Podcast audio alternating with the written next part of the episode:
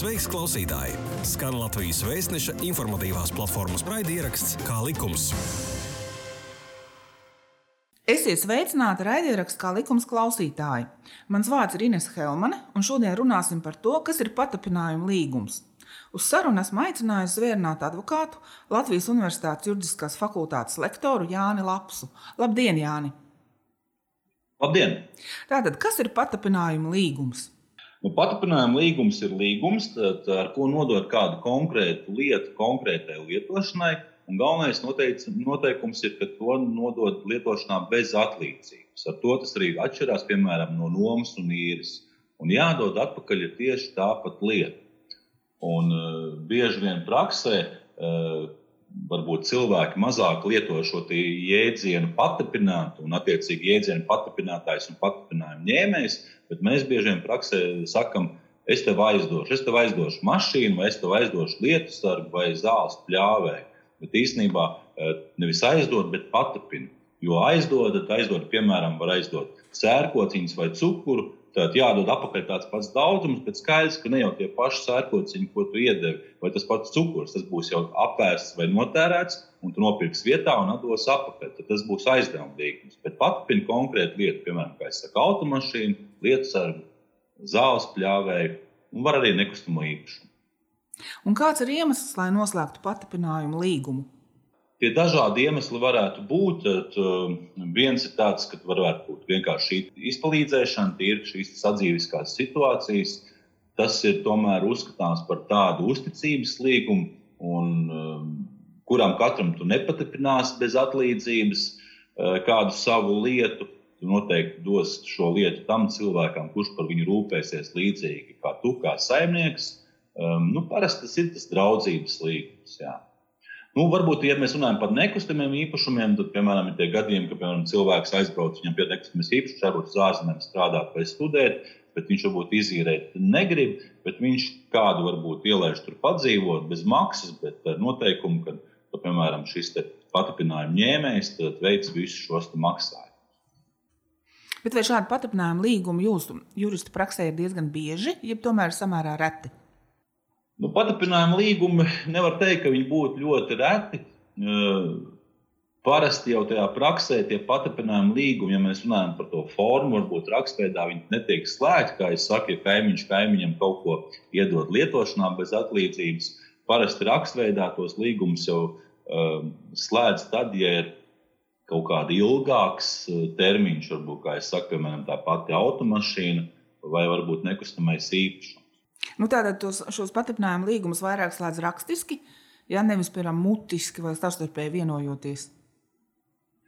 Ne, nu, parasti jau es saku, tajā ikdienas, tajā saimnieciskajā vai sadzīvē, sadzīvē šajā saimnieciskajā dzīvē, tad viņus slēdz mutiski. Ja, tur nav nekāda nu, konkrēta noteikuma. Vienkārši kā es saku, es patapinu, piemēram, tev. Nezinu, zāģi, lai tu varētu izzāģēt krūmus uz vienu vai divām dienām. Skaidrs, ka sadzīvē rakstveidā nekas netiek noslēgts. Un, attiecīgi, ja nav noslēgts rakstveidā šis patapinājuma līgums, tad, attiecīgi, jāskatās, ko saka par to likumu. Savukārt, ja puses slēdz rakstveidā līgumu, tad jau var precizēt šo abu pušu eh, pienākumu un tiesību apjomu. Un starp cik cilvēkiem parasti noslēdz patapinājumu līgumu? Starp diviem vai varbūt arī vairāk? Nu, tas atkarīgs no šīs, te, no šīs lietas īpašībām. Um, nu, to pašu uh, automašīnu vai nekustamo īpašumu var, var uh, patapināt vairākām personām. Tas ir dzīvoklis, tur dzīvos varbūt ģimene. Um, ja automašīna varbūt uh, patapina, lai dotos uz ārzemēm, tad atkal var būt draugi vai ģimene. Tad tur var būt arī vairāk šīs personas. Bet tajā ikdienas sadzīves dzīvē parasti ir tā, ka kad viena persona otrai patapina kaut kādu lietu uz neilgu termiņu. Un kas var būt patapinājuma priekšmeti, uz ko tas attiecas pārstrā gadījumā? Šie patapinājuma priekšmeti, kādi viņi var būt dažādi, kā jau minēju, dažādas lietas. Tās ir gan kustamas, gan nekustamas lietas. Un arī tas, tas termiņš ir atkarīgs no, tā, no šīs lietas īpašībām, no šīs nepieciešamības vai vajadzības. Vai tie var būt tikai patapinātājiem piederoši priekšmeti? Likums nenosaka, ka obligāti jābūt patapinātājiem lietas īpašniekam. Bet uh, parasti jau tas ir lietas īpašnieks. Bet varbūt arī tā, ka vienkārši kādai personai lietošanas kādas tiesības, valdības pār šo lietu, tad patapina šo lietu patapinājumu ņēmēju. Mhm. Un uz cik ilgu laiku parasti noslēdz šādu patapinājumu līgumu? Nu, es arī teicu, ka tas ir atkarīgs no, no lietas apstākļiem. Ja tas būs, kā piemēram, automašīna, tad tas būs parasti kaut kāds termiņš, kad varbūt kad, šis brauciens, varbūt, varbūt tā ir viena diena vai tā ir nedēļa. Nekustamam īpašam tur praksē mēdz būt gan noteikti termiņi, šie paturpinājumi līgumi, gan arī bez termiņa. Attiecīgi, bez termiņa, tad attiecīgi arī paturpinātājs var brīvāk šo paturpinājumu līgumu izbeigt un šo lietu paņemt atpakaļ sev. Un kādas nosacījumus parasti iekļauj paturpinājumu līgumā? Kā jau teicu, ja, ja līgumā neko konkrētu neatrunā, vai tas ir mutisks līgums, tad, protams, darbojas likuma noteikti. Bet parasti šajā līgumā, ja mēs viņu sastādām rakstveidā, mēs norādām, kas ir šis priekšmets vai objekts, šī lieta, kādam mērķim tiek domāts. Ja, ja piemēram, tā ir saka, automašīna, tad automašīna piemēram, ir uh, brīvdienu braucienam, nevis teiksim, drifta sacensībām. Uh, Noteikti jāiekļauj noteikumi par to, ka eh, paturpinājumu ņēmējiem šī lieta jāuztur eh, kārtībā, iespējams arī par šo lietošanas laiku. Nu, bieži vien tas ilgāks termiņš, ir iespējams, ka arī jāapdrošina. Tāpat tās arī būtu jāparedz arī šie riski par lietas bojājēju, jeb saglabātību, kā mēs sakām. Un arī, kas nav maz svarīgi, tad arī būtu jāparedz arī uh, kā jārīkojas gadījumā, ja, ja šajā lietā rodas izdevumi. Attiecīgi, vai šie izdevumi ir, ir jāatlīdzina paturpinātājiem, vai arī varbūt nav jāatlīdzina. Nu, ja, piemēram, līgumā ir pielīdz pienākums paturpinājumu ņēmējam šo īpašumu labiekārtot, vai tas var tikt uzskatīts par paturpinājumu līgumu? Nu, tur jāskatās, jā, nu, tur likums Tad būs atkarīgs no tā, kādā veidā tajā līgumā to ierakstīs iekšā. Bet, protams, eh, ka paturpinājuma ņēmējs atbild par lietas saglabāšanu un par uzturēšanu kārtībā. Bet, eh, ja kaut kādi izdevumus viņš veids, tad atkal šeit darbojas šie principi par izdevumu atlīdzību. Tas vispārējais princips tāds, ka jāatlīdzina nepieciešami izdevumi vai tādi izdevumi, par ko puses ir konkrēti vienojušās. Tā kā tad konkrēti būtu jāskatās, par kādu lietu mēs runājam un kāda ir tā, labiekārtošana. Un tad atsevišķos gadījumos šo īpašumu var labiekārtot paturpinājumu ņēmējs.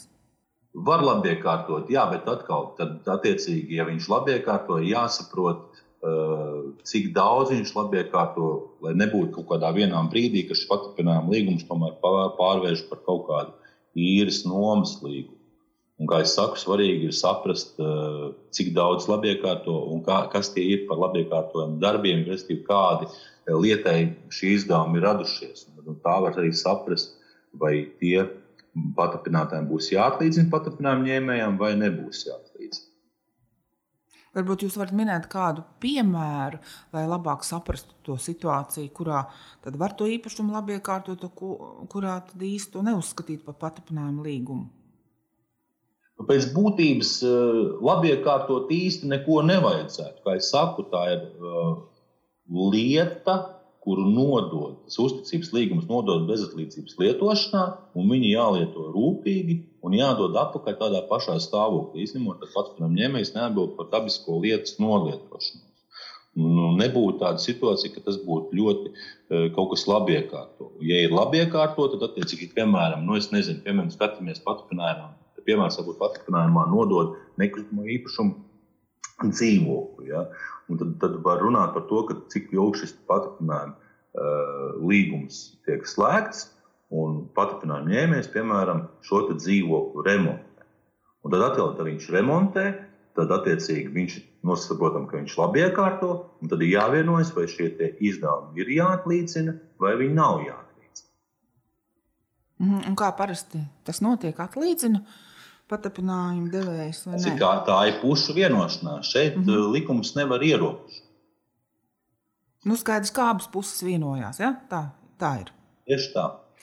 Tātad, ja patapinājuma priekšmetam ir vairāki īpašnieki, ne, nevis tikai viens, piemēram, kopīpašumā esošs dzīvoklis vai zeme, vai ir jābūt visu kopīpašnieku piekrišanai, lai slēgtu patapinājumu līgumu? Ja mēs skatāmies no kopīpašuma vai kopīpašnieku noteikumiem, tad, protams, ka kopīpašniekiem jādarbojas ir, ir kopā. Attiecīgi, ja kādam pieder vairākām personām viena lieta, tas pats nekustamais īpašums vai varbūt arī automašīna, tad viņiem jārīkojas būtu kopīgi.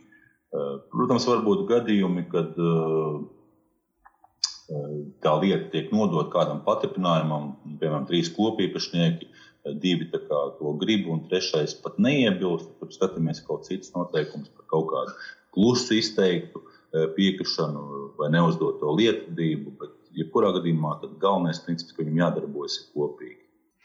Reizēm ir radusies tāda neskaidrība, skatījos portāla jautājumos, kas ir patapinājuma, ja ir patapinājuma līgums, kas ir šīs lietas īpašnieks, kas šādā gadījumā ir patapinājuma ņēmējs, ja? vai īpašuma forma nemainās? Ne, īpašuma forma nemainās. Patapinātājs, nu, mēs prezumējam, ka patapinātājs ir lietas īpašnieks, bet nevienmēr patapinātājs ir lietas īpašnieks. Un uh, patapinātājs nodod lietu bezstrīdības lietošanā patapinājuma ņēmējam, uh, un uh, patikrinājuma ņēmējs nekādas īpašuma tiesības uz lietu iegūt nevar. Kā likums? Kā likums? Jā, tu klausies Latvijas Vēstneša informatīvās platformas raidierakstu Kā likums? Kāda ir patapinājuma ņēmēja pienākumi? Vai viņš, piemēram, drīkst nodot lietu citam lietošanā?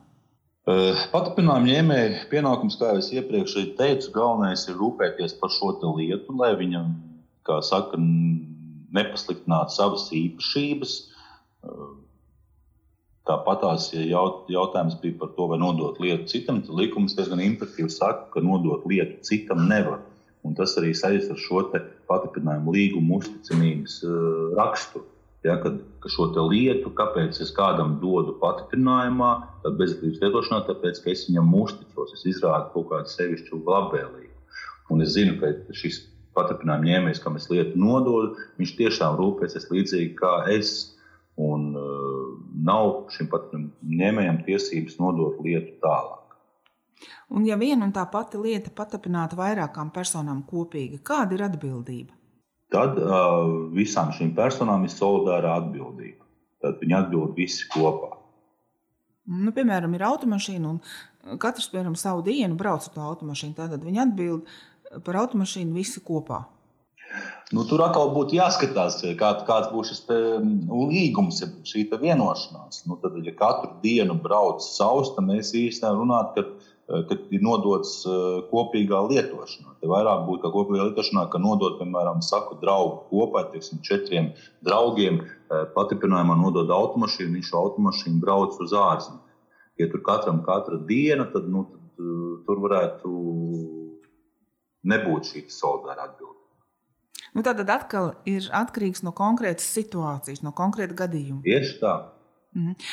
Jūs minējāt, ka paturpinājuma līgumā vajadzētu arī paredzēt gadījums, ja ir kaut kāda paturpinājuma lietai, kāda bojājuma vai kaut kāda papildus izdevuma. Nu, tad sāksim ar bojājumiem. Ja paturpinātā lieta ir bojāta vai vispār gājusi bojā, ko parasti līgumā paredz šādā gadījumā? Nu, Paturpinājuma ņēmējs atbild eh, par lietas bojāju tad, ja viņš eh, ir ļaunprātīgi rīkojies, vai viņš teiksim, nav pasargājis šo lietu, vai viņš ir nokavējis atdošanas termiņu, vai pārkāpis kādus citus varbūt, noteikumus. Tad, ja gadījumā lieta aiziet bojā neatkarīgi no paturpinājuma ņēmēja gribas, tad īsti par to patinājuma ņēmējs neatbild. Ja vien, protams, atkal līgumā nav šādu risku, tieši paturpinājuma ņēmējs uzņēmējs. Tā varētu pateikt. Tāpēc, saku, skatoties no tās lietas īpašiem, no, no šī līguma, būtu jāizvērtē, varbūt tas ir jāapdrošina šī lieta. Mm -hmm. Un kādā stāvoklī paturpinājuma ņēmējam pēc lietošanas ir jāatdod uh, paturpinātā lieta? nu, tikpat labā stāvoklī, kā viņš šo lietu ir saņēmis. Kā jau teicu, viņš neatbild par šīs lietas uh, parasto nolietošanu. Nu, bet, piemēram, vai ir jādod arī paturpinājuma līguma augļi vai visa cita no tās iegūtā peļņa? Nu, piemēram, ir zeme, viņš audzē nu, piemēram, labību un ar, ar to nopelna. Jā, tad, protams, ka tas būtu jādod paturpinātājam, bet ja viņš to nedod, un ja vispār paturpinājumam nodod zemi, kur pēc tam iegūs kaut kādas augustus, tad jau atkal būs jāvērtē par to, vai tas vispār būs paturpinājuma līgums, vai tomēr uh, tas būs kaut kāds nomas un īres līgums. Mm. Šeit tā nianses diezgan smalki ir. To arī tā katrā situācijā jāskatās, bet nu, pēc būtības paturpinātājiem jāsaņem arī visi šie augļi. Bet kāda, kāds gadījums varētu būt tad, kad uh, pata, uz patapinājuma līguma pamata patapinātāja ņēmējs gūs kaut kādu peļņu vai labumu? Un, piemēram, tas ir tas, tas, tas gadījums, kad, kad nodod nekustamo īpašumu lauksaimniecībā, un tad noteikti kā patapinājuma līgumu, ka, piemēram, neko eh, patapinājuma ņēmējs patapinātājiem nemaksā. Bet, ja tas ir eh, zemes apstrādē vai ganībām, un no tām eh, šis patvaram ņēmējs gūs labumu, tad viņš, ja viņš nedod, tad mēs runājam par to, ka šeit nav īsti patvarinājuma līgums, tad jāslēdz nomas vai īres līgums. Tāds ir tas līguma, tas, tas priekšmets vai mērķis mainās. Šis ir tas gadījums, kad šeit nebūtu pareizi runāt par kaut kādu paturpinājumu līguma esamību kā tādu. Nu, bet, ja tomēr noslēdz to paturpinājumu līgumu, varbūt tuvam radiniekam vai, nu, vai labam draugam. Nu, jāsaprot, vienkārši noslēgt jau var nosaukt, kā mēs līgumu gribam. Bet, nu, piemēram, skatāmies automašīnu. Ja es saku, es iedodu draugam automašīnu paturpinājumā, lai viņš brauc ceļojumā, tad viņš brauc ceļojumā. Viņš uztur šo lietu kārtību, atdod man lietu tādā pašā stāvoklī. Bet, ja es iedodu viņam lietu, lai viņš tiksim, to pašu automašīnu, bet viņš nevis Eh, brauc ceļojumā, bet viņš izvadā preces, tad nodarbojas ar komercdarbību, tad šis vairs nebūs īsti paturpinājums. Kā likums? Kā likums? Jā, tu klausies Latvijas Vēstneša informatīvās platformas raidierakstu Kā likums? Tātad mēs runājam jau par patapinātāju ņēmēju pienākumiem, bet kādi ir patapinātāju pienākumi? Patapinātāja pienākums ir eh, nodot, ja viņi vienojušies par to, ka nodos lietu lietošanā patapinājumu ņēmējiem, tad nodot lietu lietošanā, nekavēt šīs lietas not, no, nodošanu. Um, var, ne, nedrīkst patapinātājs pieprasīt pirms termiņa šo lietu, ja nu vienīgi gadījumā viņam rodas pašam nepieciešamība lietot šo lietu. Tad atkal jāskatās, vai ņēmējam šādā gadījumā neradīsies kādas zaudējumus.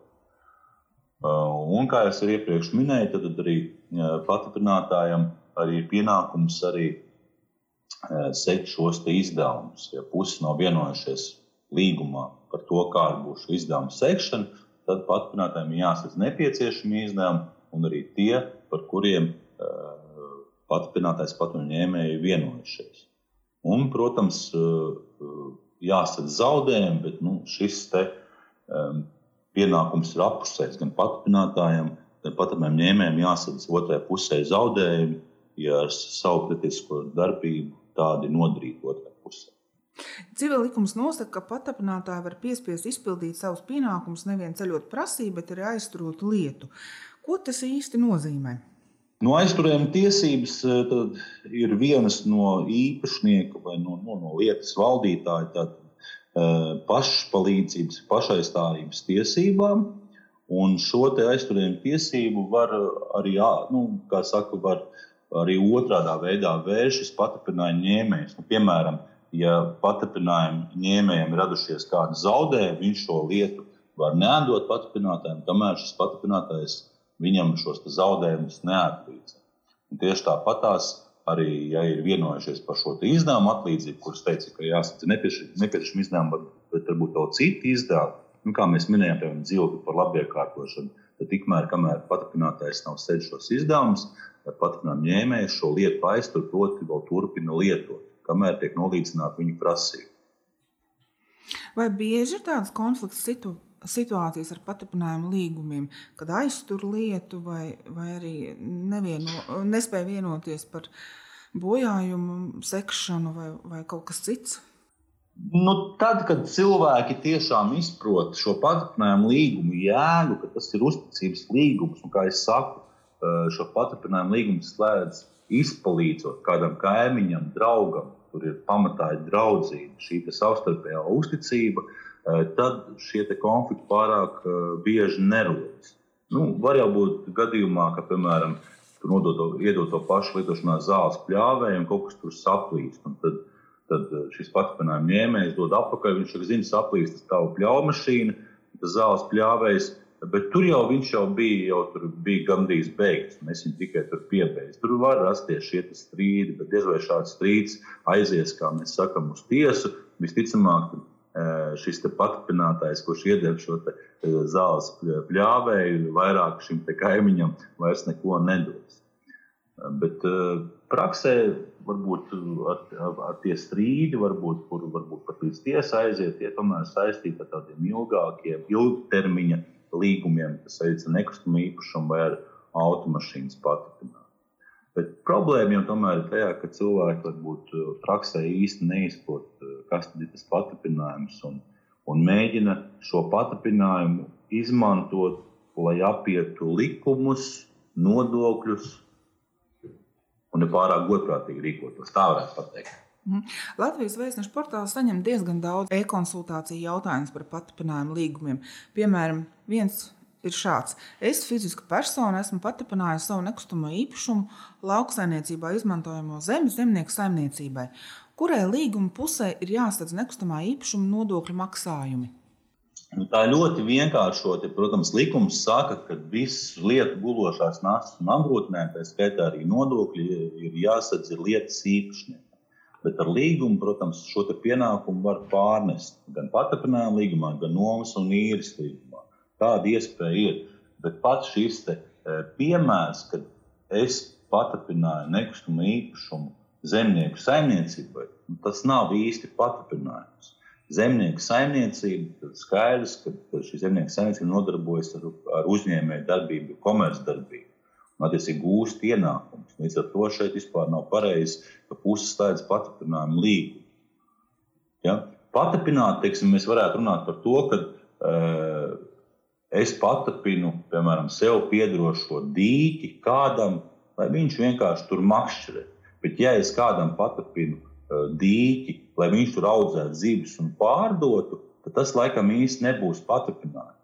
Vai nu viņam jādod visu tā nauda atpakaļ, vai tomēr, ja viņš nodarbojas šo zivju audzēšanu un pārdošanu, tad tomēr tas būs nomas vai īres līgums, un viņam jāmaksā attiecīgi nomas un īres maksa. Šis tāds ļoti uzskatāms piemērs, ka cilvēki uh, nepareizi izprot un nepareizi arī rīkojas. Jo nu, nav īsti saprotams, kāpēc cilvēks kādu lietu bez atlīdzības iedotu kādam citam, kurš ar to pelnītu. Jā, vai līdzīga situācija arī ir ar nekustamā īpašuma nodokli par dzīvokli un māju? Nu, tur ir tas pats princips, jā, arī, kad, kad, kad jāsadz lietas īpašniekam, bet līgumu var pārnest arī otrajā pusē.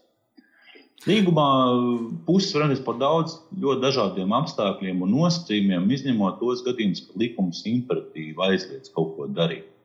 Bet tā viss paliek pušu gribas izteikumā, ko puses vēlas, to viņi arī uh, noslēdz līgumu, ir norāda šajā līgumā.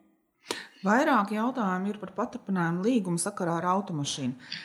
Piemēram, šāds, ja darbinieks un darba devējs slēdz paturpinājumu līgumu par auto. Piemēram, darbiniekam ir savs auto, un par šo auto tiek slēgts, slēgts paturpinājumu līgums ar darba devēju, lai darbiniekam varētu atmaksāt degvielas izdevumus, veidot maršrutu, lapas un tā tālāk. Cik tālu darba devējs, kā patapinājuma ņēmējs, var rīkoties ar šo auto? Ja patapinājuma līgumā nav atrunāts, ka tikai konkrētais darbinieks, auto īpašnieks izmanto šo auto, vai slēdzot šādu patapinājumu līgumu, darba devējs var nodot prasīt šo auto arī citam darbiniekam lietošanai.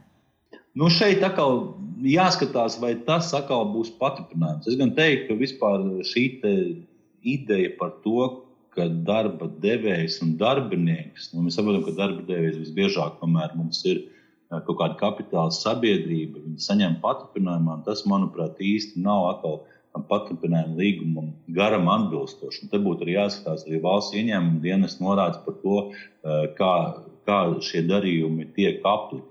Jo liekas tas pilnīgi tā jocīgi, kad, kad, kad fiziskai personai darbiniekam pieder automašīna, viņš paturpina darba devējam, bet eh, pēc tam viņš pats viņu lieto. Katrā ziņā šeit atkal nav īsti mm, izpratnes par to, kas tad ir paturpinājums. Šeit tomēr būtu jārunā par nomu un īri, eh, nu, vai nu noma vai īre. Un tas arī iziet no šī jautājuma, kurš tur seks izdevums un un tā tālāk. Un vēl viens jautājums par automašīnu. Ja es noslēgšu ar darba devēja patripinājumu līgumu, tad patripināšu savu automašīnu. Vai es automašīnu drīkstēšu izmantot savos nolūkos, ja tajā brīdī uzņēmumam mana automašīna nebūs vajadzīga? Piemēram, brīvdienās ar šo automašīnu braukšu es, bet darba dienās uzņēmums. Jā, nu tā var noslēgt uz to laiku, var jau sadalīt šos termiņus, bet es vēlreiz vēršu uzmanību, ko es iepriekš atbildēju, ka nu, šeit, ja mēs runājam par darba devēju, Tad, nu, tad, manuprāt, tomēr šeit ir pareizāk uh, slēgt šo nomas vai īres līgumu, kur attiecīgi darba devējiem tiek izīrēta šī vai iznomāta šī automašīna, piemēram, uz nedēļas piecām dienām. Un tad brīvdienās tā, tā kā pāriet šis lietošana atpakaļ uz šo īpašnieku vai darbinieku. Tātad, rezumējot šo sarunu, ir diezgan liela neskaidrība, kas ir patapinājuma līgums. Tāpēc varbūt jūs varētu viest skaidrību, kādos gadījumos jūs ieteiktu slēgt patapinājumu, nevis cita veida līgumu. Patapinājuma līgums jāslēdz tikai tad, ja tas tiešām tiek nodots lietošanā bez atlīdzības, ar domu, ka tas patapinājuma ņēmējs no tā negūs nekādu šo labumu, kā peļņu, peļņu vai augļu veidā, ka viņš gūs šādu kā teikt, nemateriālu labumu. Tātad patapina, kā jau minēju, zāles pļāvē, patapina automašīnu uz brīvdienām, um, atnāk ciemiņš, sākās lietus, patapina viņam lietus sargu. Šādas tās lietas, tur ir jāslēdz patapinājuma līgums. Tikko patapinājuma ņēmējam, nosīt patapinājuma, bet personai, kur saņem lietu lietošanā, uh, viņš ar šo lietu gūst kaut kādas ienākumus un peļņu, tas īsti nebūs vairs patapinājuma līgums. Jo patpilnīgums teica, ka šie visi augļi un peļņi, ko gūs patripinājuma ņēmējs, ir jādod patripinātājiem. Un tā tas arī dzīvē nenotiek. Ja, tāpēc arī saku, šajos gadījumos piemērotāks ir nomas vai īres līgums. Gribēju atgādināt, ka raidieraksta kā likums saruna bija par patapinājumu līgumu, un uz sarunu bija aicinājusi zvērnāt advokātu Latvijas Universitātes juridiskās fakultātes lektoru Jāni Lapsu. Paldies, Jāni, jums par sarunu! Šī bija iknedēļas pusstunda kopā ar oficiālā izdevēja Latvijas vēstneses informatīvās platformas raidierakstu Kā likums. Pastāsti citiem, ja bija noderīgi un interesanti. Kā likums, tiekamies ik trešdienu!